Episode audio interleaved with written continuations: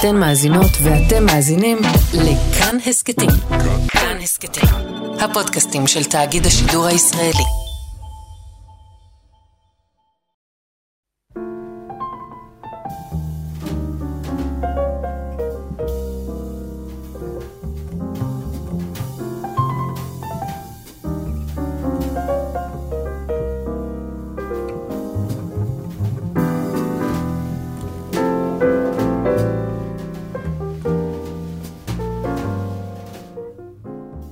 שבת שלום, צהריים טובים, ברוכים הבאים להתבודדות ברדיו כאן תרבות. אני יאיר אסולין, ואיתי השבוע בהתבודדות השבועית שלנו, בשיחה ראשונה שלנו, אני חושב, מאז אה, השבת מאז. השחורה, בדיוק מאז שלוש נקודות. אה, צליל אברהם, אה, עיתונאית, מבקרת ספרות ותרבות, יוצרת ומגישת פודקאסטים בין היתר חיות כיס והבית בקצה המס- המסילה. אהלן צליל. היי. עד היום, כאילו, כל, כל הזמן יש את הדיון האם מותר לשאול מה שלומך, או אסור לשאול מה שלומך, אבל אה, מה שלומך? אה, בסדר גמור ובלתי נסבל. זאת התשובה החדשה. שניסחתי. כן, כן. מעניין. מה שלומך? אה, אני חושב שהייתי חותם על התשובה הזו של בסדר גמור ובלתי נסבל, אבל אני חושב שכאילו קצת, גם התשובה הזאת היא כאילו מקבלת גוונים שונים ככל שהזמן עובר. זו כאילו תשובה שהיא משתקפת, המציאות משתקפת דרכה. אה, אני מרגיש שאני משקיע המון אנרגיה בלהילחם על, בלא לשקוע על הייאוש. בלהילחם על לא ליפול למקומות האלה של איזה ייאוש. אה, ושיש, אני, אני כאילו מרגיש שאנחנו נמצאים ב, בז- באמת זמנים נוראים, אבל שכאילו מתחת לפני השטח יש תהליכים אה, משמעותיים שקורים. ברגע משמעותי אני מרגיש. אז אתה מאלה שיש להם תקווה. אני אומר, אני נע בין כן. להיאבק מהסחף הזה לתוך הייאוש, לבין, כן, אני חושב שבלי תקווה, אני חושב שתקווה זה עמדה מוסרית בכלל, היא לא ניתוח מציאות. יפה. אני משתדל להחזיק אותה. אז היום אנחנו, כשאנחנו מקליטים, אנחנו בט"ו בשבט, ושהוא באמת אחד מהחגים הפחות אה, מצוינים, או פחות אה, מוערכים, אני לא יודע איך להגדיר את זה. מקבלים תעודות. בדיוק, שאיכשהו הסתפח ל- לאירוע, לרגע הזה של הקבלת תעודות. אה, אבל הוא כן אירוע מאוד מאוד משמעותי בסיפור היהודי, באתוס היהודי ביסוד שלו. ויש לו כל מיני סגולות, ומיסטיקאים מאוד אוהבים את ט"ו בשבט, וגם שבתאים מאוד אוהבים את ט"ו בשבט. זה איזה אירוע כזה שהוא, יש לו המון המון משמעויות, אבל איכשהו בסיפור הישראלי הוא באמת אה, הודח הצידה. או לא הודח הצידה, הוא הפך להיות באמת קבלת תעודות ואולי שתילת אה, עצים אה, ביערות. הפך להיות בקושי חג. הוא גם בקושי חג, אין בו כן. חופש, הוא לא... אנחנו לא באמת מציינים אותו, אבל יותר בעומק. וזה ככה קרה לי אתמול, אתמול עשינו, אנחנו כל שנה עושים סדר ט"ו בשבט, ואתמול עשינו סדר ט"ו בשבט קצת יותר אה, גדול, כי הוא היה גם לזכר אה, בן דוד של אשתי שנפל אה, בעזה בשבוע שעבר, והוא היה כזה איש חקלאות, הוא עשה דוקטורט בחקלאות וזה, והוא כאילו קמו מהשבעה שלו בדיוק בט"ו בשבט, שזה מהפואטיקה הזאת שהחיים שלנו וואו, זה יודעים טרי לייצר. מאוד מאוד מאוד. זה ממש ממש טרי. וואו. ואז עשינו סדר ט"ו בשבט וישבנו עם הבנות, ופתאום חשבתי לעצמי על איך, אה, נגיד זה ככה, אנחנו, אני מאוד עסוק באתגר, אפרופו התקווה ואפרופו הדברים שאפשר, אה, ש, המשמעותיים שקורים. אני חושב שאנחנו מולידים כרגע, נרצה או לא, גם את עצמנו מחדש כישראלים, אבל גם הרבה מהתפיסות, מהדברים שהחזקנו. ואחד הדברים האלה שאמורים להיוולד מחדש, לפחות זה כאילו היהדות ישראלית, או הקונספט הזה של יהדות במרחב הישראלי, או ויזה וי הסיפור הישראלי. וחשבתי לעצמי שכאילו, אפיון יפה או נכון לזה, זה להפסיק להיות הרבה פחות יהדות של ל"ג בעומר ובר כוכבא וחרבות ואש וכזה, וזיהום אוויר, אוקיי? ולהיות הרבה יותר יהדות של ט"ו בשבט.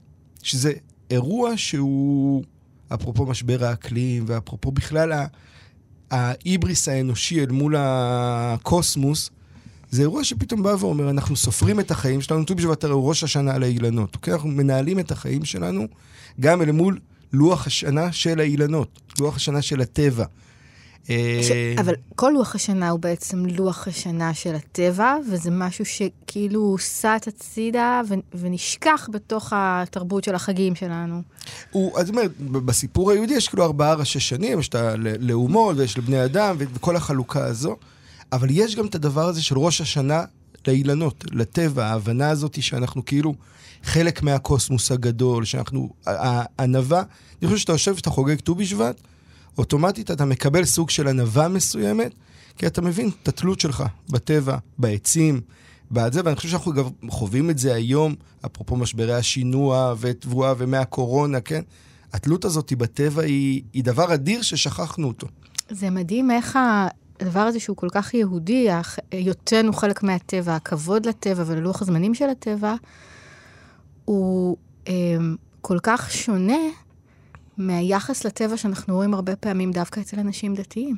לחלוטין. של ו... זלזול מוחלט במשבר האקלים ותחושה שאני יכול לקחת לי כל מה שאני רוצה מה, מהדבר הזה, שאין שום קשר בין זה לבין מוסר או לבין איזושהי עמדה, עמדה מוסרית או, או עמדה אנושית של, כמו שאמרת, להיות mm-hmm. חלק מהקוסמוס. זה כאילו הלך לאיבוד לגמרי. לחלוטין. אני חושב שזה ה... בכלל, הרגע הזה שאנחנו נמצאים היום פה, אה, כמו כל טראומה, היא מציפה בדיוק את הפערים האלה בין הדבר שאנחנו מתיימרים לדבר בשמו, או אנשים מתיימרים לדבר בשמו, לבין מה שהם עושים בפועל. וכאילו זה בדיוק מה שסימנת כרגע. אני חושב שבכלל, ה... הרי כן כביכול אנחנו מציינים את ט"ו בשבט, אנחנו זה, אבל העובדה שהוא לא חג משמעותי בסיפור שלנו, היא מראה מה בעצם מעניין אותנו. מעניין אותנו חרבות ובר כוכבא mm-hmm. וכזה, ולא מעניין אותנו עצים וטבע. כן. וחלק מהשינוי הוא כאילו לבוא ולהגיד, מי שלא מתעניין בעצים וטבע, אז אם פעם זה היה, את יודעת, כאילו... nice to have כביכול, אין עולם בלי התעניינות בעצים וטבע, אין עולם בלי ט"ו בשבט, בלי ה-state of mind הזה של ט"ו בשבט. וזה דבר שהוא... אני מרגיש שכאילו צריך לחשוב ממש, כמעט ברמה הפרקטית של איך להנכיח אותו, איך להנכיח את הדבר הזה שהוא לא יוצאים לשתול שתילים ומקבלים תעודות וחוזרים עם uh, פרח הביתה. זה טקס ריק, אני זוכרת שאפילו היו תחקירים שבנטיות של קק"ל, אז מוציאים אחר כך את השתילים 아, ושותלים שוב, כי כל כך הרבה בתי ספר ו... אה, מהצבא באים לנטוע וזה, ואין כאילו מקום לכולם, אז זה כבר נהיה ריטואל ריק ממש מילולית. שזה גם הדבר הזה שלה, בעצם העצים הרי, גם את, גם את החג הזה, שהוא בעצם אמור להיות חג של ענווה, הפכו אותו לחג של סוג של כיבוש של שטח, אוקיי? לשתול mm. עצים, לסמן אותם, יערות של קק"ל וכולי. Mm. אל מול העמדה הזאת היא ההפוכה, שאתה עומד מול העץ ואתה תמיד אוהב את ה... יש את התיאוריה היפה הזה של אריסטו, של איך הפילוסופיה נולדת. והפילוסופיה נולדת כשבן אדם הולך ברחוב והוא רואה עץ, הוא אומר, מה זה הדבר הזה? Hmm. וזה כאילו עמדה שהיא גם עמדה מוסרית, אבל בעיניי היום, וזה הדבר שאני כאילו התחדד, הכה בי אתמול, לא חשבתי עליו אתמול שוב, זה הפך להיות עניין הישרדותי לגמרי, כי מי שלא מבין את זה, הוא באמת מחליש את עצמו בהגדרה, אוקיי? מי שלא, מי מבין, שלא מבין את, את המקום הזה... את המקום הזה של העץ, את הצורך להיות ענב כלפי הדבר הזה, את המקום של האנושי בתוך הקוסמוס. עכשיו אנחנו כאילו בזמן, ה... בזמן המחירים. אתה מדבר על ענווה. ענווה. לעומת התחושה שאנחנו יודעים הכל, ואנחנו נדע מראש הכל, ואנחנו הכי חזקים. ואנחנו, ואנחנו מרכז העולם. כן. כאילו ה... המהפכה הקופרניקאית, הרי מה היא אמרה? אנשים חשבו שהם מרכז העולם.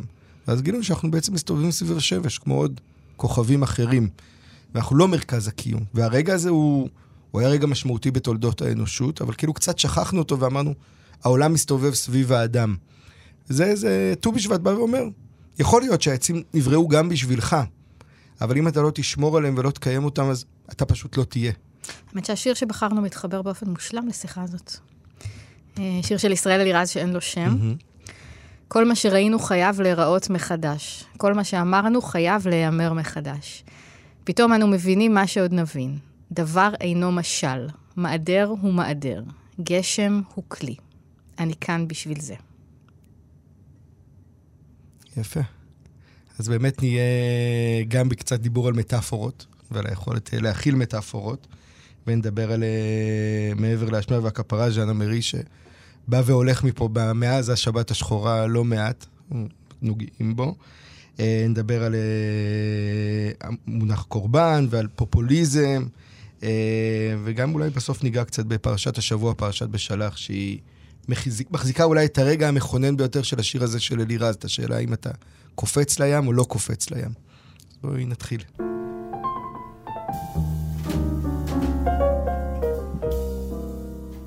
רציתי לדבר על הנושא של קורבנות ושל הקרבה ששב לחיינו עם השיח, ויכוח, שיחה על החטופים ועל עסקאות mm-hmm. חטופים.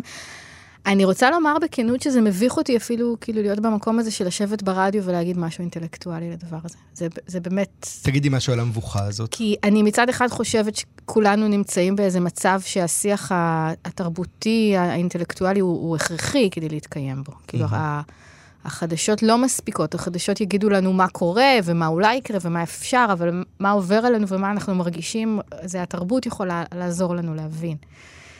ומצד שני, המקום הזה של לשבת פה כאילו כאנשי רוח, ולדבר על כל מיני אה, כאילו נושאים אינטלקטואליים, או מטאפורות, או יצירות ספרותיות שעולות מתוך הגיהנום הזה שאנשים חיים, נמצאים בו עכשיו, וגם אנחנו יודעים שהם שמעו שם רדיו. כאילו, הסיוט שלי זה ש... שהם שומעים, הם שומעים אותי מהגגת על ה... כן, על האסוציאציות הספרותיות ש, שמעורר בי המצב שלהם, אבל בכל זאת בחרתי לעשות את זה, אז, mm-hmm. אז בואו נעשה את זה. ובתוך השיחה הזאת, בתוך הוויכוח על עסקת חטופים, עולה שוב ושוב המילה הקרבה. אה, מעיין שרמן, שהיא אימא של אה, רון שרמן, זיכרונו לברכה. חייל ש... שאני אה, לא יכולה להגיד שהוא נרצח, הביאו לה את הגופה שלו אחרי שהוא כן. היה חטוף, ולא אמרו לה מה קרה לו. והיא חזרה שוב ושוב על האשמה שבחרו להקריב את הבן שלה. Mm-hmm. וגם משפחות החטופים כל הזמן חוזרות על האמירה הזאת, תגידו לנו, אתם החלטתם להקריב אותם? אז תגידו לנו, שנדע, כן. החלטתם להקריב אותם. וזה כאילו, כאילו איזה דיון אסטרטגי או דיון מוסרי, אבל זה, זה בעיניי... אה, זה איזה רגע שבו אנחנו בעצם מקיימים דיון מאוד עתיק של היהדות עם התרבויות שהיו לפניה ושל הציוויליזציה האנושית בכלל, ברעיון הזה של קורבן, של הקרבת קורבן, של קורבן אדם, של הצורך, המחשבה, כאילו משהו שטבוע בנו, לחשוב שקרה משהו נורא, אלוהים מאוד כועס עלינו.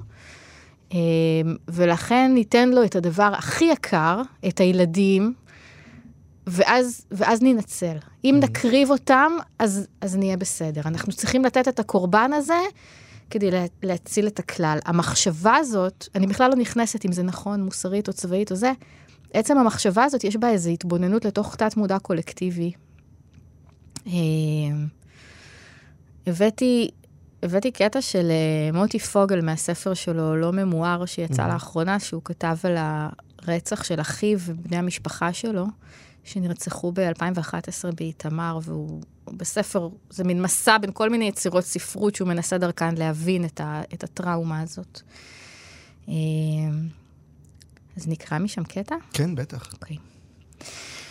האם אנחנו יודעים או חושדים שילדים הם שימותו? בלב ליבנו כן. לא סתם אברהם מצווה להקריב דווקא את בנו. לא סתם בני אהרון, נדב ואביהו נשרפים בחנוכת המשכן. אנו מקריבים לאל קורבנות כדי שירחם עלינו, על ילדיו, ולשם כך אנחנו מקריבים ילדים. למעשה, כדי שנמשיך לחיות, אנחנו מוכנים לעשות יותר מזה ולהעלות לעולה את הפריון עצמו. שור או קשב או עז, כי ייוולד והיה שבעת ימים תחת אמו, ומיום השמיני והלאה ירצה לקורבן אישה לאדוני. שבעה ימים יחיה הגדי, וביום השני יוקרב. כדי להמשיך לחיות, אנו מוכנים להרוג את העתיד. האם זאת הסיבה היחידה? האם אנחנו ממהרים לשחוט בגלל החרדה שאין חיים בלי מוות, שאין חגיגה בלי מחיר, שאין התעלות בלי תשלום, ושמוטב לאזן את החשבון בעצמנו לפני שיאוזן בעל כורחנו? ואולי יש כאן דבר מה נוסף. הכתם השחור שהדעת נמל... נמלטת ממנו. לא מדובר במחיר שנגזר עלינו לשלם, אלא בתשוקה למוות. את מרגישה אבל נגיד שבשיח הישראלי היום באמת סביב החטופים וסביב העניין הזה של קורבנות, יש תשוקה למוות? אני מרגישה שיש בחלקים מסוימים בשיחה אה, תשוקה למלחמה. אמ, המלחמה הכוללת הזאת, שזה איזה תרחיש אימים שחוזר שוב ושוב ב, בעיתונות, בפוליטיקה, יש איזה סנטימנט, יאללה, תביאו את זה. בואו נעשה את זה כבר. בואו בוא נראה מה זה. זה, בואו נגמור עם זה, בואו נהיה במלחמה הכוללת הזאת, בואו נהיה במלחמת גוג ומגוג הזאת. ואתה רואה את ה... כותרות של אולי השלום עם מצרים בעצם אה, ייפרם, ואולי הסכם השלום עם ירדן, וכל הזמן איזו שאיפה, כאילו, זאת, זאת שאיפה שהיא קיימת... השאיפה לקטסטרופה. כן, בדיוק. Mm-hmm. השאיפה, תמיד מדברים על זה בהקשר של התרבות האמריקאית, עם הסרטים שבהם כן. יורק נחרבת, השאיפה לראות את, את הציוויליזציה שנחרבת. יש כאן איזה משהו שהוא גם אימה וגם פחד וגם תרחישים שהם כנראה, יש הצדקה להעלות אותם, ומבחינה פוליטית הכל נכון. ו... ועוד משהו שהוא בתת מודע התרבותי שלנו. אני, אני מרגיש, מאוד מתחבר לדברים שאת אומרת, אני מרגיש שה... שזה, אפרופו המבוכה שלך בהתחלה, כאילו שאמרת, מביך לדבר mm-hmm. על, ה, על זה כרגע. אני מרגיש שזו שיחה שממש חשוב לנהל אותה עכשיו, כי יש איזה פער כזה בין אה, מה שאנחנו מספרים לעצמנו על עצמנו לבין מה שקורה בפועל. ואני מרגיש שבסביב הדיון הזה של הקרבת קורבנות זה מאוד מאוד חזק. אה, אני זוכר שכשהוצאתי את הרומן הראשון שלי, את נסיעה, שבעצם עסוק באבא שלוקח את הבן שלו לקב"ן, אז היה איזה טקסט מאוד יפה שמישהו כתב על, ה... על העקדה ההפוכה הזאת, על אבא שלוקח את הבן ליציאה מהצבא אל, mm. מול, ה... אל מול הצבא. אה, ומאז אני הולך הרבה עם הרעיון הזה של כאילו של עקדה, זה מסוג הדברים שאומרים עליך שכתבת, אבל אתה לא יודע אם כתבת אותם באמת מראש. אבל אני הולך עם אה, לא הרעיון לא הזה של, ה... של העקדה ההפוכה, שהוא אולי הוא קצת מתחבר למה שדיברנו על ט"ו בשבט אל מול ל"ג בעומר. כאילו יש משהו, יש איזו תחושה של הרבה מאוד אנשים שאין אלטרנטיבה אחרת. שזה בעצם המניפולציה הכי גדולה כדי לייצר את כל הרצף הזה שסופו קורבנות וסופו, כאילו זה מעגל, מה שמוטי פוגל מתאר שם זה סוג של מעגל קסמים כזה, שאי אפשר לשבור אותו. כי אתה מקריב, ואז אתה עצוב, ואז אתה תלוי, אבל גם מבטיחים לך ההפך, אם לא תקריב, אז שוב יחטפו, ואז נכון, שוב... אבל ת... אתה, נכון, אבל אתה, פעם, אתה אפילו לא מנסה את הדבר הזה, כי אתה כבר בתוך המעגל, אתה לא רוצה לנסות ולחוות את זה. כן. אז אתה כבר מקריב מראש, אתה בעצם משלם הרי מראש, כדי שזה לא יקרה, אתה מביא לעצמך את האסון, כדי שלא תחווה את האסון כשהוא יגיע בעצם. והמעגל וה, הזה הוא כאילו, אני חושב גם מקומות ש... זה מה שתרבות תמיד שואפת לשבור. מעגלי קסם תודעתיים כאלה. שמייצרים כאילו את התחושה שאין אלטרנטיבה mm. אחרת. ואני מרגיש שכאילו זה דבר ש... שבתוך המעגל קסם הזה, נגיד ככה בזהירות, כאילו קשה לשבור אותו, כי יש כבר הרבה אנשים ששילמו את המחיר הזה. כאילו, זו שיחה שקשה לנהל אותה. תסביר שנייה מה זאת אומרת. מה שאת דיברת על המבוכה הזאת, כאילו, יש משהו, קשה לנהל באמת את השיחה הזאת הישראלית של האם אנחנו מקריבים את הילדים שלנו ובשביל מה. אוקיי? בשביל מה אנחנו... כי יש אנשים שכבר הקריבו. כי יש אנשים שכבר הקריבו. ואנחנו לא כמס שפתיים, אלא כדבר אמיתי ועמוק ונכון, צריכים לכבד אותם ואת הקורבן שלהם, ואני מרגיש... אבל לכבד את הקורבן שלהם, זה, זה השימוש שנעשה זה, בדבר הזה. זה בדיוק הזה. העניין, ואז כן. נעשה השימוש, ואז זה מזין את זה. בגלל זה אני אומר, כאילו, בעיניי, כאילו, האתגר המחשבתי הוא היכולת לנהל שתי, שתי השיחות האלה במקביל. להגיד, יש את הדבר הזה, ואנחנו, אני לפחות מלא... הערכה מוחלטת, אין לי בכלל מילים כלפי אנשים ששילמו את המחירים המטורפים האלה, אוקיי? נכון, אבל, אבל יש איזו אה, ציפייה שאת הערכתך תבטא בנכונות להקריב עוד. גם בנכונות להקריב עוד וגם בחוסר הנכונות לשאול על עצם ההקרבה. זאת אומרת, אתה יכול להעריך משהו ובאמת לכבד אותו באופן הכי עמוק, לפחות אצלי, ועדיין לשאול עליו שאלות. שזה מה שמלמדים אותנו. כאילו, אם אתה שואל על זה שאלות, אז כנראה אתה לא מכבד, כן? יצרו לנו את הדיכוטומיה הזאת, שהיא המניפולציה הכי גדולה כדי לא לדבר על דברים. מעניין שבישראל היו מלחמות שנגמרו, כי הורים שכולים אמרו, ההקרבה הזאת כבר לא... מה שאתם עושים עכשיו זה כבר לא מכבד את ההקרבה שלנו, mm-hmm. זה לא, זה לא, אני לא יודעת אם אמרו זה לא היה שווה את זה, אבל זה לא מצדיק שאחרים יקריבו. הם אלה ששברו את המעגל הזה. נכון, אבל אני חושב שגם אז הם לא, לדעתי הם לא היו הקונצנזוס. כלומר, היה... בהתחלה לא, ולאט לאט. כן, נכון. אני חושב שזו שיחה שהיא... אנחנו צריכים לשאוף לנהל אותה. ואנחנו כאילו לא... אני, אני עדיין עם המבוכה של החזור של ההתחלה, כאילו, אל מול המבוכה הזאת, שאני לחלוטין מבין אותה, כאילו, צריך להתגבר על זה וכן להתעקש לנהל את השיחות האלה. ניסינו.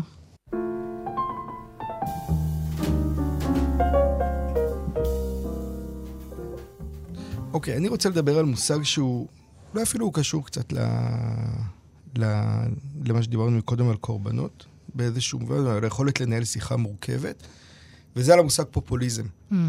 שאני אגיד באופן כללי, אני מרגיש כבר הרבה שנים, וכותב על זה הרבה שנים בכל מיני הקשרים, שיש מושגים שניתנים במשמעות מסוימת, חיובית, שלילית, ואז אנחנו כאילו, הצד השני מפחד להשתמש בהם, ובעצם מאבד כוחות יצירתיים מאוד מאוד משמעותיים. לדוגמה, אני זוכר שפעם כתבתי על זה טור לפני, בטח אולי עשר שנים, היה להשתמש במושג הזה, אהבת ישראל, היה מושג אה, כמעט פסול במקומות מסוימים. אתם מדברים על אהבת ישראל וזה, זה כאילו הימין דיבר על אהבת ישראל והשמאל דיבר על דברים אחרים, וזה היה כאילו, לא מדברים על זה. אני חושב שבשנה האחרונה בטח זה השתנה, וכאילו השמאל פתאום לקח מחדש את אהבת ישראל והפטריוטיות עכשיו יש גם את וכל הדברים החפץ, האלה. חפץ חיים. עם חפץ עם חיים, חפץ מדינה חיים. חפצת נכון. חיים. נכון, וכאילו מושג מה, מהמשפחה הזאת, זה המושג הזה של פופוליזם, שאני חושב עליו המון. בוא תגיד כי- מה רגע, אבל מה... אני אגיד- כי זה נורא ברור שזה מה, כאילו, ברור שזה מושג שלילי. כן. מקובל עלינו בשיח הכאילו האינטלקטואלי, מושג שלילי. המנהיגים הכי נוראים במאה ה-20 היו מנהיגים פופוליסטים, טראמפ הוא מנהיג פופוליסט, אורבן הוא פופוליסט, מה הוא היה פופוליסט, אוקיי? מקובל עלינו שהמנהיגים הפופוליסטים היו המנהיגים הבעייתיים המסוכנים, אבל בעצם כשאנחנו מסתק... עושים את זה, כשאנחנו בעצם מבינים את המושג רק לפי אנשים שהשתמשו בו במאה ה-20, אנחנו מאבדים את המושג היסודי, שאני אישית לפחות, חושב שהוא מושג מאוד מאוד חשוב. מנהיגים שמחוברים לעם, שמתעניינים בעם.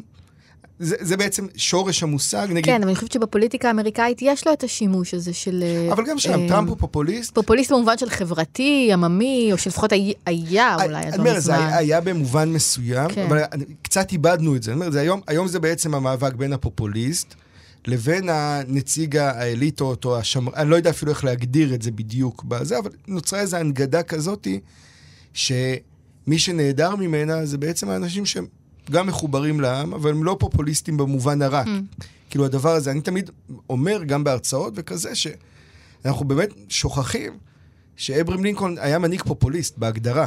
הוא הלך עם העם, עם הציבור, נגד הממסד שבו הוא התנהל, כן? ש- שזה הוא כאילו התנהל. ההגדרה המילונית שאתה נצמד אליה? אה, לא יודע אם הגדרה מילונית, אבל זו הגדרה פנימית של המושג הזה, כן? זה, זה מנהיג שרואה את העם, מתחבר לעם בעיניי, במונחים, שוב, יהודיים אה, עתיקים, אז משה רבנו היה מנהיג פופוליסט. מהמם. הוא יצא נגד שוטרי בני ישראל, נגד בית המלוכה שהוא גדל בו, התחבר לעם והוביל איתו מהלך כאילו. זה דבר כזה שיש בו המון המון כוח, שמגיע מנהיג ואומר, אני רוצה להתחבר לעם ולהוביל מהלך שישפר את חייו של העם. כן, המהפכה הצרפתית הייתה אירוע פופוליסטי מובהק, כן? זה אנשים שהתאחדו אל מול איזשהו ממסד, ואני מרגיש שאנחנו מאבדים, כשאנחנו מקטלגים את זה כמושג שלילי בהכרח, אגב, בסוגריים, דיברנו על זה פה לא מעט בתוכניות, כמו המושג משיחיות, אנחנו מאבדים איזו אנרגיה יוצרת, שהיום היא בעיניי מאוד מאוד חשובה. כאילו, אני חושב שהיום המנהיג שצריך בטח לצמוח בחברה הישראלית, צריך להיות מנהיג פופוליסט. לא במובן של טראמפ, אבל במובן של אברהם לינקולן. אני רוצה שנייה לנסות לנתח איתך מתי משתמשים בזה בפוליטיקה הישראלית, כי זה. יותר, יותר זמין לנו ולמאזינים. למשל, אמירה אה, כמו, אנחנו אה, נעביר חוק, או אנחנו נדאג להוריד את הריבית. אמירה מאוד מאוד מאוד פרובוקטיבית, כי אה, כשפוליטיקאי אומר אותה, כי אסור לפוליטיקאי אה, להתערב בהחלטות של נגיד בנק ישראל. נכון. עכשיו, ואז מיד התגובה היא שזה פופוליזם, ולמה זה פופוליזם? כי הציבור רוצה ריבית נמוכה, ומה הציבור לא מבין? שאם הריבית תרד, אז זה ירצה אותו לרגע, ואז תעלה האינפלציה והיא. תפגע בו הרבה יותר. אבל זה מסובך מדי. ולכן מי שאומר, אני, אני אוריד את הריבית, יודע שהמשמעות של הורדת הריבית זה לגרום נזק לציבור. הציבור לא יבין שזה מקור הנזק, ואז כשזה יקרה, נאשים בזה כבר מישהו אחר. עכשיו מצאנו את הנגיד, אחר כך נמצא מישהו אחר. כאילו, הפופוליסט היום הוא לא מי שנותן לעם את מה שהוא רוצה, אלא את מה שהוא חושב שהוא רוצה. נכון, אבל אני חושב שזה הטעות שלנו, כי אם היינו ממסגרים אמירה כזאת, היא לא כאמירה פופוליסטית, אלא כאמירה צינית, כשקר פשוט. אוקיי? כאילו כחוסר הבנה בחירת המילה בכלכלה. היא לא נכונה. ברור. אנחנו בעצם ממסגרים את אותו אחד שרואה את הציבור, שכביכול על פניו, תחי אפילו בדוגמה שלך, אותו פוליטיקאי שמתייסר מזה שהציבור משלם אה, הרבה על המשכנתה כן. שלו וכולי ורוצה. ברמת האידאל זה דבר טוב, אנחנו רוצים שהפוליטיקאי יתייסר מהדבר הזה. לפעמים אין ברירה וצריך לעשות וצריך ריבית ועברה, אנחנו צריכים שהמנהיג ציבור יראה את העם, אוקיי? אם אנחנו ממסגרים כל אמירה כזאת כפופוליזם, בעצם איבדנו את היכולת... סימנו את הדברים הבעייתיים שאמרת אותם, אבל איבדנו גם את כל השיח שרואה פשוט את טובת הציבור. הרעיון הזה של לראות את טובת הציבור כבר הפך להיות דבר שהוא כאילו לא קיים, כי או שאתה פופוליסט, או שאתה שומר על עקרונות אה, וכולי. וזה הדבר שבעיניי הולך לאיבוד, והוא, אני אומר, יש, ב, אני חושב שיש לו, יש לו מחירים גבוהים. אנחנו משלמים מחירים על זה שאין לנו את האפשרות בכלל להצמיח מנהיג פופוליסט שהוא טוב לעם, שהוא לא רע לעם. אני חושבת שהסדר של הדברים קרה הפוך. זאת אומרת, הכי נוח לי דרך כלכלה לראות את זה, אבל הרבה שנים אמרנו לאנשים, אתם לא מבינים שזה שהחוב נמוך זה בעצם טוב לכם, וגירעון נמוך זה בעצם טוב לכם, ואתם לא מבינים שחייבים להעלות את המע"מ, ואתם לא מבינים ש... אי אפשר לתת לכם שירותים חברתיים יותר נדיבים, כי אז הכלכלה תקרוס, ואי אפשר לא להעלות את גיל הפרישה, כי אז הכלכלה... וכל הימין כזה, אתם לא מבינים מה טוב לכם. ועל הרקע, כאילו, על רקע הניכור הזה, האמירה החוזרת הזאת, אתם לא מבינים שבעצם אתם צריכים לסבול, אתם לא יכולים להבין בכלל מה אתם רוצים ומה טוב. יש... אבל היא אמירה, זו אמירה שהיא מאוד מאוד קשה לי, אוקיי? להגיד לציבור, אתם לא יכולים להבין מה טוב לכם, היא אמירה שאוטומטית מה היא עושה? היא משמרת את הסטטוס קוו. נכון. היא נותנת הכוח לחזקים כן. בהגדרה, ואז הפופוליזם הופך להיות הקלף הזה. שבו אתה הורג כל יוזמה לטובת הציבור. ואז אנחנו מפסידים בעצם, אוקיי? בעיניי שוב, זה כמו המושג הזה של משיחיות, אוקיי? משיחיות הפך להיות הדבר של ימנים קיצוניים שיש להם פנטזיות לאומניות משל עצמם, אבל הוא לא הדבר הזה של... Uh, באמת של אה, שחרור העבדים הגדול, אוקיי? אני הולך שוב לאברהם mm. לינקולן, הרעיון, זה רעיון משיחי לגמרי. מה מנהיג פופוליסטי אמיתי בפרשנות שלך לפופוליזם היה, היה עושה עכשיו איזה צעד פוליטי? אני לא יודע איזה צעד פוליטי כן. ספציפי, אני חושב שהוא היה מייצג סנטימנט שבא ואומר, אני חושב על איך באמת לרומם את הציבור כרגע. אני לא, מר... אני, בעיניי, mm. בספירה הפוליטית כרגע, השאלה הזאת היא בכלל לא קיימת. זה פשוט השאלה היא מי לוקח מאיפה ולאיזה צד. בהסתכלות שלי כן. כרגע. אין בכלל אין את הדיון הזה, איך אנחנו מרוממים את הציבור, ואני חושב שבעומק, כי אין לנו בכלל שפה לנהל את הדיון הזה. כי כל דיון כזה אוטומטית יהיה דיון פופוליסטי, אוקיי? ואז יהיה מוסגר רע, ואף אחד לא רוצה להיות במרחב הזה. כאילו יש בנו משהו שמאבד בכלל את היכולת לנהל את השיחה הזאת על ידי זה שאנחנו מפקירים מושגים. שוב, כמו שקרה לשמאל הרבה מאוד שנים מושגים כמו אהבת ישראל ופטריוטיות. שמאלנים לא רצו להיות פטריוטים, או לא רצו כאילו להגיד, פטריוטים זה היה לימנים. הימנים היו פטריוטים, שמאלנים היו דברים אחרים. והם איבדו מרחב שלם של שיחה, שגבה מחיר, זה קצת עבר תיקון בשנה האחרונה. אבל העובדה הזאת היא ששפה מייצרת תודעה ומייצרת מציאות, היא דבר שאנחנו שוכחים אותו, ואז אנחנו שמים כל מיני טאג ליינס כאלה, של כמו פופוליזם או משיחיות, ואני חושב שאנחנו מאבדים הרבה בדרך. מעניין.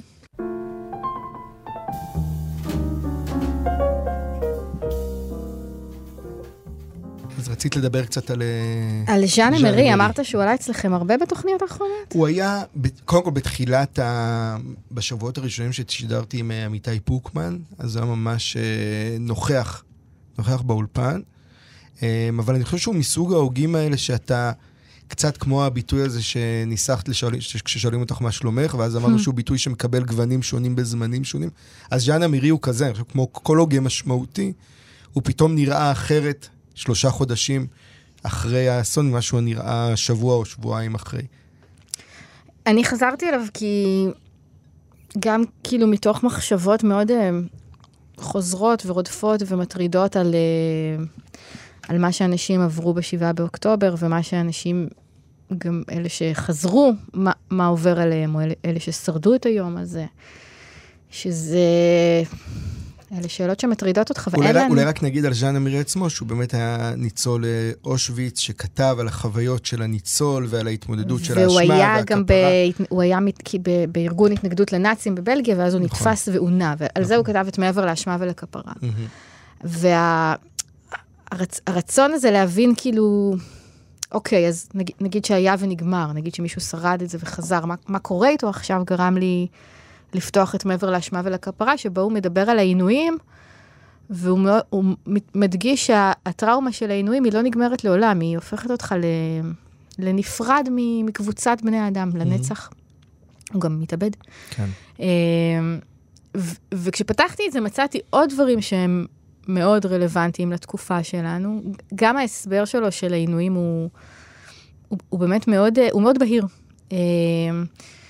וגם uh, הוא מדבר גם על המענים, על הסדיזם, ומנתח את הסדיזם שלהם, וגם הוא מדבר על סיטואציה שהיא מאוד, מאוד כואבת לקרוא עליה, uh, וזה על המצב של האדם ש... שמבקש עזרה ולא מקבל, שהוא אומר את זה בהקשר של, ה, של האסיר או של ה, ה, המעונה, אבל זה כל כך uh, מהדהד חזק את מה שקרה פה, זאת אומרת, הוא אומר, mm-hmm. הפצוע יודע שמישהו יבוא לעזור לו, הקורבן בכל מצב, מישהו ששודדים אותו, מישהו כן. שזה, הוא, הוא יודע שתכף תבוא עזרה. הייתה לך תאונה, תכף אתה תהיה בבית חולים. מה שמאפשר לך להתמודד עם הכאב זה הידיעה שעזרה בדרך. תגיע. זה אגב, תמיד אומרים על תינוקות, שהבכי הרי הוא ביטוי לתקווה. כשאתה בוכה, זה בעצם, אתה יודע שמישהו ישמע ויבוא באיזשהו שלב. כן. ויש את הרגע הזה שאתה... אם אתה באמת מגיע למצב שאתה לא בוכה, כמו באמת תינוקות שעברו התעללות או כזה, הם כבר לא בוכים כאילו. הדבר הזה שבו אתה כבר, אף אחד לא יבוא. ואז אתה מאבד את היסוד הזה של ה... היסוד הזה באמת של, של מישהו יבוא וימצא אותך. כן, התינוק אותך. מצחיק, דיברנו על זה, אני חושבת פעם, התינוק הוא גם, אה, ויניקוט כתב שהתינוק הוא, הוא בכי שלו, הוא כביכול מייצר את העזרה. כאילו הוא בוכה, בוכה, בוכה, ואז מגיע אוכל, מגיע השד, וכאילו בחוויה שלו הוא, הוא יוצר הוא, את הוא זה. הוא יצר את העזרה. בבקשה נכון, שלו. נכון. אז אני תוהה אם נקרא את זה או שנקרא על, על העינויים. תקראי את זה, נראה לי שזה... Okay. אוקיי. הציפייה לעזרה, הידיעה כי העזרה בוא תבוא, אכן שייכת להתנסויות היסוד של האדם וכנראה גם של בעל החיים. על כך הצביע בצורה משכנעת למדי קרופוטקין בשעתו, שדיבר על העזרה ההדדית בטבע, ובעת החדשה חוקר התנהגות בעלי החיים לורנס. הציפייה לעזרה היא גורם פסיכולוגי חיוני ממש כמלחמה על הקיום. רק רגע, אומרת האם לילדה נאנק מכאב. תכף אביא לך בקבוק חם, כוס תה, לא אתן לך לסבול ככה. ארשום לך תרופה, מבטיח הרופא, היא תעזור לך. אפילו בשדה הקרב מוציאים האמבולנסים של הצלב האדום את דרכם אל הפצוע, זה ממש מצמרר. כן. כמעט בכל מצבי החיים מלווה התחושה של פגיעה גופנית בציפייה לעזרה, והציפייה הזו מרככת את הפגיעה. אבל אם המהלומה הראשונה של השוטר, שאי אפשר להתגונן מפניה ושום יד עוזרת לא תהדוף אותה, מקיץ הקץ על חלק מחיינו, ושוב אין לו תקומה לעולם. השוטר פה הוא כאילו הסוהר, הוא שוטר mm-hmm. של המשטר הזר, הכובש. אמ, גם מדהים בעיניי כמה הכתיבה שלו, גם על, על העינויים, היא כתיבה שממש מסבירה מה זה טראומה. הרי לפעמים קשה, לה, קשה להבין... להעביר. קשה להבין למה משהו נשאר, והוא מסביר את, את זה שהגבולות של הגוף שלנו, שמפרידים בינינו לבין העולם, זה הבסיס של הקיום שלנו. Mm-hmm. וכשמישהו חודר את הדבר הזה, אז uh, מעביר אותך לאיזה, אני לא רוצה עכשיו לצטט לא נכון, אבל זה יוצר איזה קרע בתודעה, כן. ש, שבעצם כשהוא כתב את זה לא ידעו להסביר את זה פסיכולוגית, והוא מסביר את זה באופן uh, מאוד מדויק. במובן הזה הוא ממש uh, המשך של קפקא. קפקא הרי כל הזמן עסוק באובדן הגבולות, גם של הגוף וגם של הנפש, והאובדן אוריינטציה הזה, שכאילו, איפה אני, באיזה משחק אני משחק, אוקיי? או מה, hmm. איפה אני קיים. אבל כאילו כשהקראת את זה, חשבתי, אפרופו מה שדיברנו מקודם על החטופים, שה... יש הרי באמת את כל הניתוחים האלה, כן להחזיר, מתי, אה, כי mm. ניתוחים כן להחזיר או לא, אבל כי יש uh, סדר עדיפויות או כל הדבר הזה. ואני חשבתי, כותב על זה הרבה, שבעיניי, ה... ברגע שאנחנו נגיד שאנחנו אפרופו מקריבים אותם, אנחנו בעצם נייצר את מה שהוא מתאר פה, וזה אובדן התקווה. כאילו כ-state of mind בכלל של חברה. כאילו, לא דיברת על אנשים שחוו את זה, או אפשר גם לחשוב על אנשים שנמצאים שם ומחכים שיבואו, כן. שישחררו אותם. אבל בעומק אני חושב שחברה שאין בה בכלל את ה-state of mind הזה, של תקווה שישחררו אותה אם יקרה משהו, זה בעצם הטראומה הגדולה הלאומית שכולנו סוחבים אותה. כאילו הדבר הזה שבו פתאום, מה קרה בשבת השחורה הזו? חיכינו שאבא יבוא והוא לא בא. כן, גילינו שאבא שלנו הוא לא כל יכול, שזה הרגע הזה שבו אתה מאבד בעצם משהו מאוד מאוד יסודי בתפיסת העצמי, והוא בעיניי ממש מתאר את זה. כן, את, את האמונה הזה. שמישהו, ש... כן, את, את האמונה של ילד, היה נורא יפה מכתב של אה, אה, מנהלת הקהילה בכפר עזה, mm-hmm. שהיא כתבה לאיזשהו קצין בכיר, אני לא זוכרת, איך הם היו מסבירים לילדים, שזה בכלל לא מדאיג שאנחנו ליד הגבול, כי הצבא שומר עלינו. אבל לא רק לילדים הסברנו, גם לעצמנו אמרנו את זה. אגב, אני... ועדיין אומרים, כי... אגב, אני, אני מרגיש היום, בשיח הישראלי, וזה דבר שמאוד מד, מדאיג אותי, שכבר אין את ה... כמעט, הציפייה הזאת היא כמעט ולא קיימת. אנחנו כמעט לא מצפים מהמדינה לשום דבר. וזה, את רואה את זה גם עכשיו, זה אפילו, אפילו בדיון, אפילו על פיצויים, פעם זה היה אמוציונלי. אנשים כבר אומרים, יאללה, אני לא, לא יודע, מה שיהיה, יהיה, מה שייתנו, ייתנו, אני כאילו...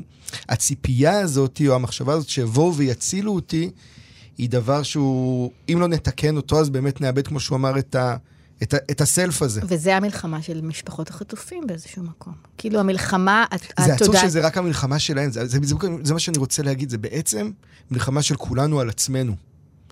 כולנו צריכים לנהל את המלחמה הזאת, כי אם כריבונות, הריבונות המוסרית שלנו, הרוחנית שלנו, תופר, וזה בעצם מה שהוא מתאר פה, הרי בעצם כשמישהו לא בא להציל אותך, הוא בעצם מפר איזו ריבונות עמוקה שיש לך על הקיום שלך. אז, אז עם מה אתה נשאר בעצם?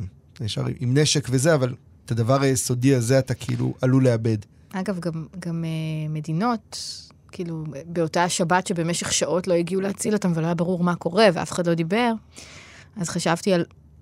חשבתי באימה, כן? לא חשבתי כאיזה הרהור אה, זה, אבל על, על, אה, יש כזה מונח של מדינות שלא מתקיימות בפועל. מדינות מהמם. כמו סומליה, נגיד. כן. יש מדינה, יש ממשלה, אבל יש אזורים במדינה שאתה תגיע אליהם, וכנופיות יכולות לבוא ולרצוח ולשדוד ולחטוף. אין למדינה שליטה בכלל על מה שקורה. הן מתחילות להתכרסם ולהתפורר פיזית, פשוט לאבד, לאבד מהגבולות שלהן, כמו שקורה לריבונות של בן אדם במצב שתיארנו.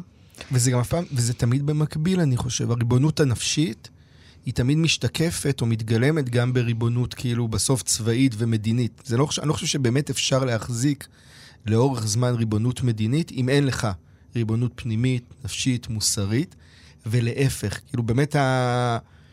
עכשיו, הטקסט הראשון שכתבתי אחרי השבת השחורה היה בעצם מלחמה על הריבונות, שאנחנו מחזקים באמת את המלחמה הזאת, גם על הריבונות הצבאית, אבל גם על הריבונות הפנימית שלנו, על היכולת לבוא ולהגיד, שיחות שאני מנהל עם הרבה מאוד אנשים, על ה... יש אנשים האלה שאומרים, כן, כאילו, חייבים להכיר בזה שתבוסת החמאס לא ילך ביחד עם זה, ולהגיד, Mm. לעשות סדר עדיפויות וזה, ובעיניי, ברגע שנוותר על ה...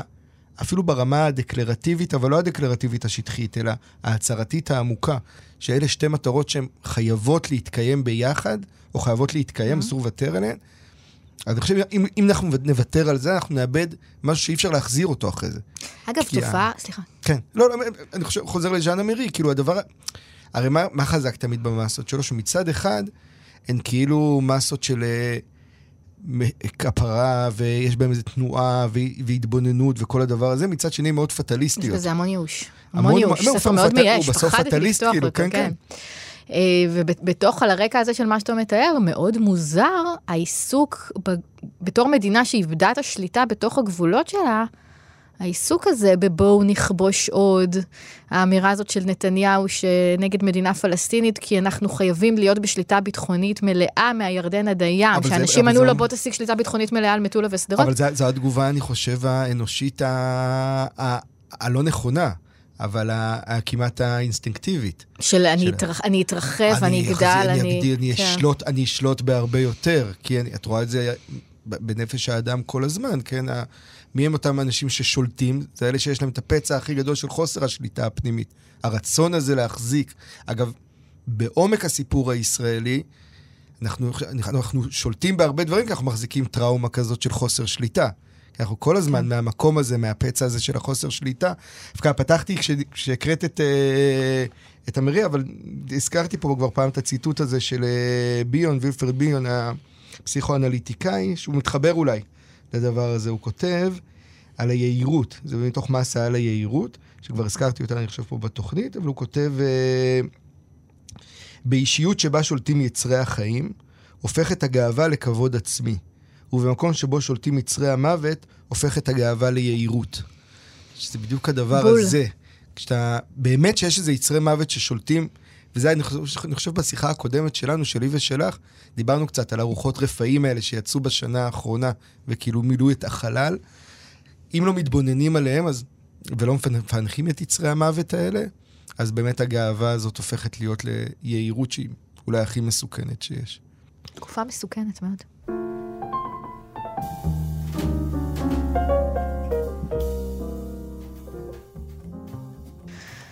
רציתי להזמין אותך להרהר איתי אה,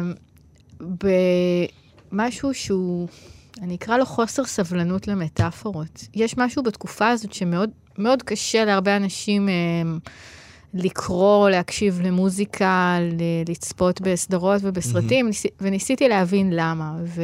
את מזדהה עם זה? כלומר, גם את אה, כן. לא מצליחה לקרוא... קשה לי מאוד, אוקיי. וניסיתי לשים את היד מה, היה איזה משהו יפה שאמרה אחת המגישות פה ברדיו ב-88, שהיא מאוד רגישה למילים עכשיו. שאתה שומע שיר ואתה שומע כל מילה כן. בשיר, אתה לא סתם... הרבה מהמילים האלה פתאום גורמות לי להבין כמה בקלות אנחנו, אנחנו כאילו, המטאפורות, הדימויים שנעשה בהם שימוש באומנות, בשירה, בספרות, הן מטאפורות מעולמות האלימות, הכאב, כאילו סתם רשמתי mm-hmm. כמה דוגמאות שכאילו, מה, מהיומיים האחרונים משירים שיצאו לי, אז נגיד, שאנשים מתארים פרידה כאילו כרתו להם איבר בגוף. כן. או יש שיר של רונה קנן שהיא שרה, uh, And the heat goes on where the hand has been. החום uh, ממשיך איפה שהייתה היד. Mm-hmm. או שיר של רמי קליינשטיין, כמו אש על הפנים, זה בא ושורף אותי מבפנים. או כל מיני דברים כמו, uh, uh, הוא חטף את השיחה, הוא חטף את הפגישה. עוד... כן. Uh, עמית הרשקוביץ uh, אמרה משהו נורא יפה שנורא אהבתי. לפני, שהחיים הם ניתוח בלי הרדמה. Mm-hmm. שאתה צריך לעבור את החיים שלך, כאילו אתה... כל, כל דבר קשה שאתה עובר בחיים שלך, אתה חייב לעבור אותו במלוא המודעות, ואתה לא יכול כאילו לעבור אותו תוך כדי איזה... איזה הלחוש. איזה הלחוש. ו... וכל הדברים האלה, ועוד רבים אחרים, נהיו בלתי נסבלים. כי מה המשמעות של להגיד את זה כשלאנשים נחרט, נחרטו איברים, והם נשרפו בחיים, והם עברו ניתוחים בלי הרדמה? איך אפשר בכלל לשאת את הדבר הזה כאיזשהו דימוי, ולא... זה אפילו מקומם באיזשהו מקום. וזה מדגיש כמה החיים שלנו השתנו, כי כדי להיות מסוגל להשתמש בזה כדימוי, אתה חייב להרגיש מאוד רחוק, מאוד רחוק מזה. מאוד רחוק מסכנה של כריתת איברים ושל שריפה, כדי שתוכל להשתמש בהם כדי לדמות לב שבור. אני מרגיש שה... שזה קצת מתחבר אולי למה שדיברנו מקודם על המבוכה והקורבנות, וכאילו איכשהו להחזיק את שני הדברים במקביל. כי אני מרגיש שאחד ההישגים, אם אנחנו נפסיק לדבר על מטאפורות, או נפחד ממטאפורות באיזשהו מובן, בתחושה שלי, זה יהיה אחד ההישגים הכי גדולים של האסון הזה של השבת השחורה, אוקיי? זה יהיה הישג מדהים, כי אתה פשוט, מטאפורה היא בעיניי הכלי שבני אדם אה, מממשים את האנושיות שלהם כמעט. מצליחים לדמיין את המציאות במעבר לקונקרטי. אבל יש הרבה שימוש אוטומטי, שהוא לא, לא, אגב, אני, לא אני, נעשה אני, במחשבה תחילה. אני רק אגיד שזה לא, בעיניי זה ממש לא סותר את הסנטימנט שלך שאני סופר מזדהה איתו. כן. אבל uh, אני כאילו, אני, אני באמת מנסה לחשוב איך אנחנו יכולים להחזיק את שני הדברים האלה במקביל, וזה אולי הדבר הזה של, כן, אולי זה באמת המחשבה תחילה, זה שכן להקשיב למילים. ולהקשיב למה שאנחנו אומרים. ולקולות שאנחנו משמיעים לא כדי לצנזר את עצמנו, או לא כדי לא להגיד אותם, אלא כדי להגיד אותם עם כוונה. וזה גם, אגב, שכבה שכאילו שכחנו ממנה. כן, בדיוק. כמה זה... אתה מתכוון כן, למשהו. יש דברים שהם נאמרים באוטומטיות. אחד מהדברים שיצא לי שהוא ליד זה, זה ש... כאילו מרוב סיפורים, גם בעבודה שלי אני עוסקת הרבה בסיפורים של, mm-hmm. אתה יודע, הפ, הפקירו אנשים וכל מיני מחדלים בירוקרטיים ומחדלים שלטוניים, ואתה מוצא את עצמך כל הזמן, נגיד בטוויטר, כל הזמן לא יעלה על הדעת, לא ייתכן, לא ניתן לדמיין, אי אפשר לשאת. כן. הד... ובאיזשהו שלב כבר... כאילו, אתה כבר עברת את כל הרמות של, ודברים איומים ממשיכים לקרות, והם יותר ויותר גרועים. והיה איזשהו יום שאמרתי, טוב, די עם זה, רק עובדות. בלי, בלי אי אפשר לא, להבין, אבל, ואי אפשר כאילו- לדמיין, כאילו, ולא נסבל, ולא זה. בעיני, אבל זה בעיניי כאילו הפסד. למה? אבל זה, חיים, זה יכול בחירה סגנונית. חיים של עובדות, הם חיים לא אנושיים. אני חושב שהאנושי... הוא היכולת להתקיים בסיפורים ולא בעובדות. הייתה פה שיחה עם... אם ילד ששני הוריו נרצחו מגיע למיון פסיכיאטרי ואין פסיכיאטר שיטפל בו, אתה לא צריך שאני אגיד לך שלא ניתן לשאת את זה. אתה לא יכול לשאת את זה. למה אני צריכה להוסיף את זה ולהגדיל ולהגיד שהדברים האלה כבר איבדו לחלוטין את ה... כבר איבדו את המשמעות שלהם מרוב, שה, מרוב שהכל בלתי נסבל ולא ניתן לשאת ולא לא, ניתן זה... להכיל, ואתה כן מכיל ומוריד את הראש וממשיך. זה, זה אני מאוד מסכים, ובכלל העודפות של השפה והאינפלציה כן. במושגי uh, קיצון וכולי. זה, אני לגמרי שם, אני חושב שזה באמת מתחבר לממד של הכוונה, אבל כל הדבר הזה, שאני מאוד מסכים איתו, אם המסקנה שלו תהיה בואו נדבר רק עובדות, hmm. אז איבדנו משהו. כי אנחנו לא רוצים לדבר עובדות, אנחנו רוצים עושים? שתהיה לנו את היכולת הרי להעביר אמפתיה ורגשות אחד מהשני. מה וזה... אתה בתור בן אדם כותב? איך אתה, איך אתה, איך אתה מתמודד, או שאתה לא, שאין לך את התחושה הזאת. לא, אני, כאילו אני, שה... אני, אני, אני, אני מרגיש שהניסיון הוא, מבחינתי, הוא באמת בממד של הכוונה. כאילו, אני, אני, אגב, אני חושב הרבה בחיים, ספר, תמיד כשאני מלמד כתיבה, בשנים האחרונות פחות, אבל ברמת העיקרון, כשאני לימדתי כתיבה, אז הדבר שאנשים כותבים בהתחלה לא שמים לב אליו, זה שהכוונה היא מאוד מאוד חשובה. לא למה אני מתכוון במשמעות, אלא הכוונה הפנימית, לאיפה אני רוצה ללכת, מה הסיפור, מה התודעה שלו, מה הנשמה של הסיפור, אוקיי? או של הטקסט. וזה ממד שעליו אני מנסה, לעב... אני לא מנסה לעבוד אפילו, אין לי ברירה אלא לעבוד עליו, כמו שציטטת מהרדיו, כאילו, זה מכה בי. אני שומע את הדברים האלה, אני נאלץ להתכוון יותר ממה שהתכוונתי לפני, אבל מצד שני, אתה יודע, אפילו קצת מה שפתחנו ב... בעיניי מה שתיארת עכשיו זה קצת להיכנע לייאוש. לעבור לעולם של עובדות. זה עולם של ייאוש, זה עולם של, של פוסט-טראומה, זה עולם של... זה עולמות כאלה שמצמצמים, מצמצמים.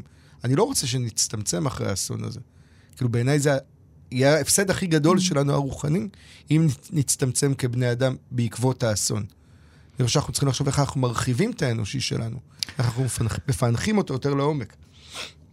זה גם מגיע אחרי שנה שבה עוד לפני האסון הזה כבר היינו בטרמינולוגיה מאוד של חורבן, mm-hmm. ושל אין מילים יותר, ואי אפשר לדמיין, ונגמר, כאילו, ואז הגענו לזה, כבר לא נשארו קומות לעלות. זה, זה המקום שבו... אתה יודע, אני חושב שגם איתך אז דיברתי על הדימוי הזה, אפרופו מטאפורות ודימויים, אבל על, ה, על הרגע הזה שבו אתה נתקע עם האוטו בבוץ, והאינסטינקט שלך הוא לתת גז כמה mm-hmm. שיותר חזק, אבל בעצם אתה מתחפר הרבה יותר פנימה במקום לעצור ולא לעשות. כאילו בעיניי גם נגיד הרבה יותר רלוונטי היום לשתוק מאשר לדבר עובדות. אוקיי? לשתוק זה, זה, זה בעיניי עמדה קיומית, אנושית, מאוד מאוד חזקה. שהיא לא מצמצמת את הקיום האנושי? היא לא מצמצמת. היא לא מצמצמת. היא לא מצמצמת. זה שאנחנו מדברים עובדות, הרי בעצם, הבעיה היא לא בדיבור העובדות רק, או שאנחנו מקדשים את העובדות. הבעיה היא בכל המעטפת הזאת שאיבדנו מסביב. אנחנו מאבדים את כל המעבר הזה, ואנחנו מייצרים עולם שהוא עובדות, זה כמו לשמוע כבר זה היום פחות קיים, לא? אבל ה... לשמוע מוזיקה בקובץ mp3. אוקיי, אז אתה חותך הרבה, אתה, אתה עדיין מזהה את השיר וזה אחלה וזה נחמד. שאתה כאילו חותך את החלקים שכביכול לא שומעים אותם, כדי שכ... שהקובץ בדיוק, יהיה קטן. שהקובץ יהיה יותר קטן, ואז מה תמיד אמרו? בסדר, אתה מזהה את השיר, ואם זה שיר פופ, אז זה סבבה, אתה לא צריך את, את השכבה הגבוהה של הכינורות מאחורה וכזה. אבל אתה מאבד משהו. אתה מאבד בדיוק את המעבר הזה שהופך יצירה מוזיקלית ליצירה מוזיקלית אה, משמעותית. זה מפתיע אותי שזה הכיוון שאתה לוקח את זה, כי אני חשבתי שזו הזדמנות לצמצום ברגע של, כאילו, במובן של זיקוק. מה, מה באמת אני רוצה להגיד. אז זה אני מאוד בלי בעד. ללכת למטאפורות שהן גדולות מהחיים. אחלה, אבל זה לא אומר לוותר על המטאפורות, זה אומר לדייק את המטאפורות. זה שואל אותך שאלה, האם באמת הכאב של אובדן בת זוג הוא כמו כאב של אובדן איבר, פתאום אתה ניצב מול השאלה הזאת, כי יש בינינו אנשים שאיבדו נכון, איבר. אבל, נכון, אבל אם, אם המסקנה של זה תהיה שאני לא... אין לי כלים לבטא את הכאב של אובדן בת זוג. לא, שאני צריך כלים יותר טובים, אוקיי, יותר עדינים. לד... אוקיי, אז אחלה, זה אני מאוד בעד. אז זה כבר לא עובדות, זה מטאפורות הרבה יותר מדויקות. זה אני... אפרופו באמת השנה שקדמה לעשות הדיבורים על סוף הזה כן. והחורבן. נכון, זה לא מקומות שבהם... של לחדד את העיפרון. שבהם איבדנו את השפה. זה אגב, אני חושב קצת השיחה שלנו על פופוליזם מקודם. כאילו אנחנו שמים איזשהו מושג ואנחנו זורקים הכל לתוכו במקום לדק. על זה אני חותם לגמרי.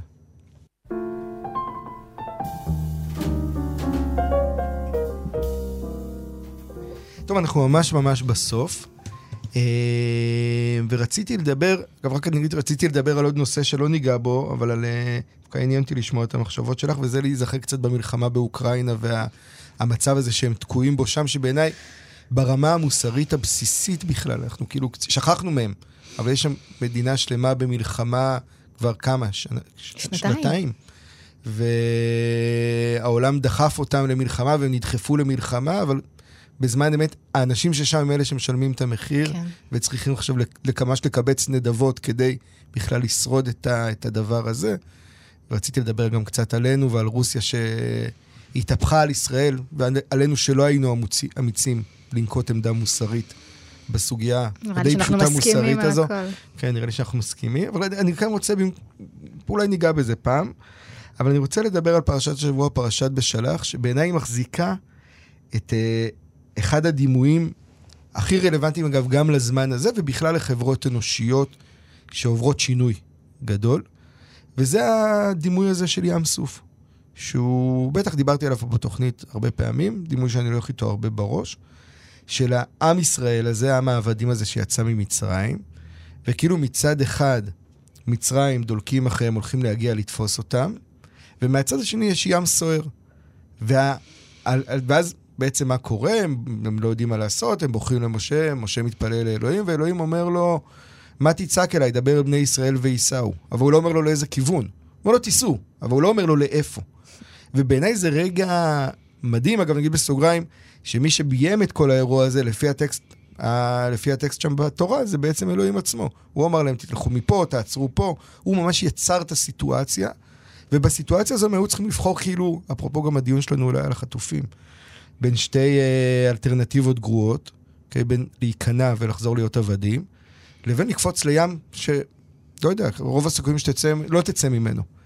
והרגע הזה שבו כאילו חברה מחליטה לקפוץ לים הסוער, גם אם היא לא תצא ממנו, מתוך איזו אמונה, כאילו ליפ אוף פייף כזה, אל מול הסירוב לאבד את החירות, בעיניי רגע מדהים, שהוא כאילו כל הזמן ההיסטוריה האנושית חוזרת לרגע הזה. האם אתה מספיק אמיץ לסכן את כל הקיום שלך כדי לא להיכנע לעבר הזה שברחת ממנו, או שאתה נכאב וכאילו חוזר אחורה לעבר. ואני חושב שזה דימוי שאנחנו צריכים, היום אני חושב שהוא מאוד מאוד רלוונטי. אתה חושב ש... שאנחנו ברגע כזה?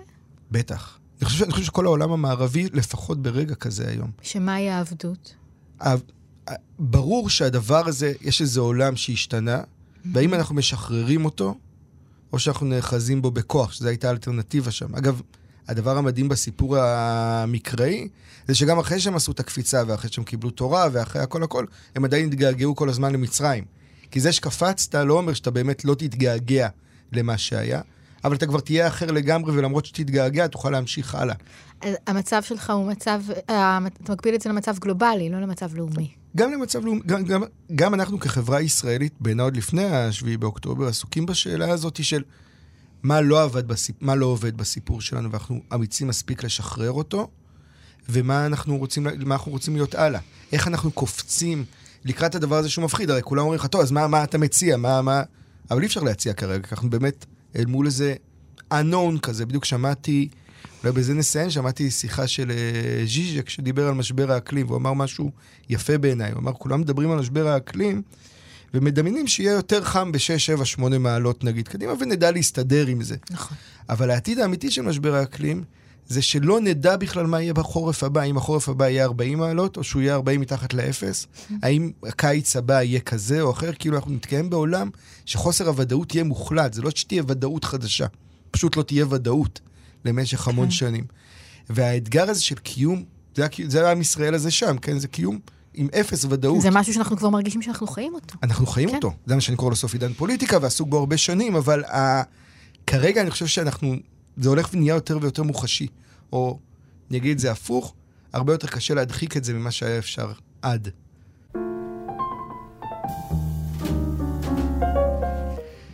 תודה רבה, צליל. תודה, יאיר. שתהיה שבת שלום, תודה לנדב אלפרין שערך אותנו, ושיהיו בשורות טובות.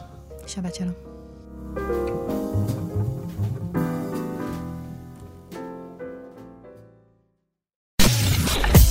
אתן מאזינות ואתם מאזינים לכאן הסכתים. כאן הסכתים, הפודקאסטים של תאגיד השידור הישראלי.